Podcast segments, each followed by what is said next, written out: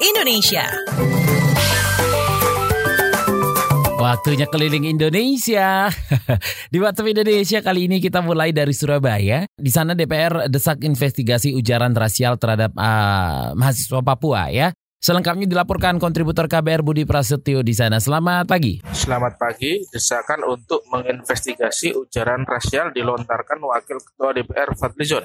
Menurutnya, ujaran rasial sangat sensitif dan tidak boleh dilontarkan. Tidak hanya kepada mahasiswa Papua, tapi juga berlaku di seluruh dunia. Itu disampaikan Fadli sesaat setelah berupaya menemui para mahasiswa Papua di asrama mereka di Jalan Kalasan Surabaya kemarin. Namun upaya itu gagal karena mahasiswa menolak kedatangan siapa pun termasuk anggota DPR. Fadli John menambahkan DPR akan mendengar informasi terkait penyerangan dan penangkapan terhadap mahasiswa Papua di Surabaya. Informasi itu akan digali dari berbagai pihak seperti pemerintah daerah, kepolisian, dan mahasiswa di asrama. Dalam kegiatan itu, anggota DPR dari Papua dan Papua Barat turut diajak untuk membangun komunikasi secara adat agar permasalahan tidak meluas. Demikian saya Budi Prasetyo melaporkan untuk KBR. Oke, selanjutnya oke, terima kasih Budi Prasetyo sebelumnya ya. Selanjutnya menuju Palu, kasus kekerasan perempuan dan anak di Huntara Pasigala capai 78 kasus. Kita simak kontributor KBR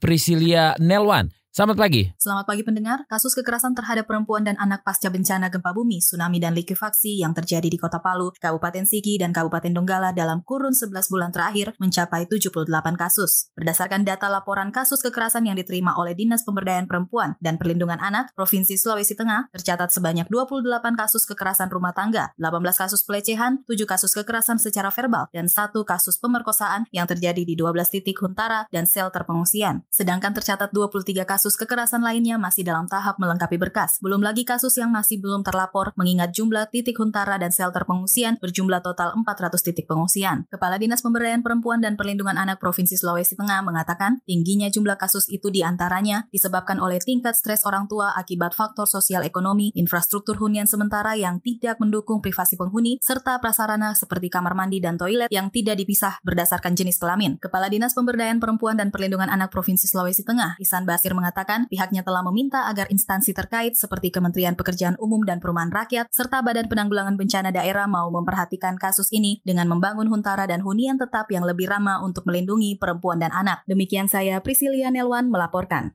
Terima kasih Priscilia. Terakhir kita ke Ngawi, revitalisasi uh, Benteng Van de Boh di Ngawi secara uh, segera dimulai tahun ini ya. Kita simak Laporan kontributor KBR Adi Mas Koco. Selamat pagi. Selamat pagi. Revitalisasi benteng peninggalan zaman Belanda Van den Bosch di Ngawi, Jawa Timur segera dimulai tahun ini. Pemerintah Ngawi berharap benteng itu akan dijadikan ikon wisata daerah. Kabit Pariwisata Ngawi Toto Sugiharto mengatakan, revitalisasi merupakan gagasan Presiden Joko Widodo yang dilontarkan saat melakukan kunjungan pada 1 Februari lalu. Toto berharap usai revitalisasi, benteng Van den Bosch bakal dikelola murni untuk kepentingan wisata. Saat ini ini, benteng tersebut masih difungsikan sebagai lokasi pertahanan TNI Angkatan Darat. Pada abad 19, benteng itu dibangun pemerintah Belanda sebagai pusat pertahanan di wilayah Madiun dan sekitarnya pada masa Perang Diponegoro. Demikian, saya Adima Sukoco melaporkan untuk KBR. Terima kasih Adima.